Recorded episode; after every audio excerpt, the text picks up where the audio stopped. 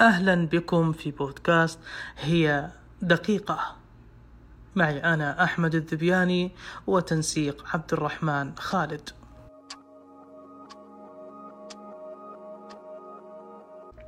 نستخدمها ربما كل يوم ولا نعرف شيئا عن تاريخها ولا حتى عمرها. تعد الملعقة أقدم من الشوكة بآلاف السنين. ولم تتعرض الملعقة للسخرية كما تعرضت لها الشوكة وذلك لأن الغرض الذي كانت تؤديه الملعقة يعد حاجة واضحة وفضلا بين. لذا فإن الشوكة في بداياتها واجهت عدم قبول من البعض.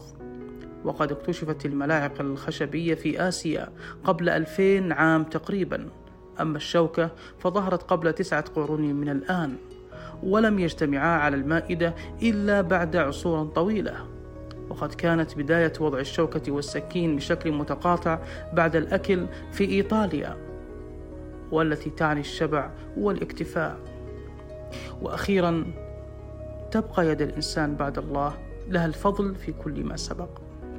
محبتي.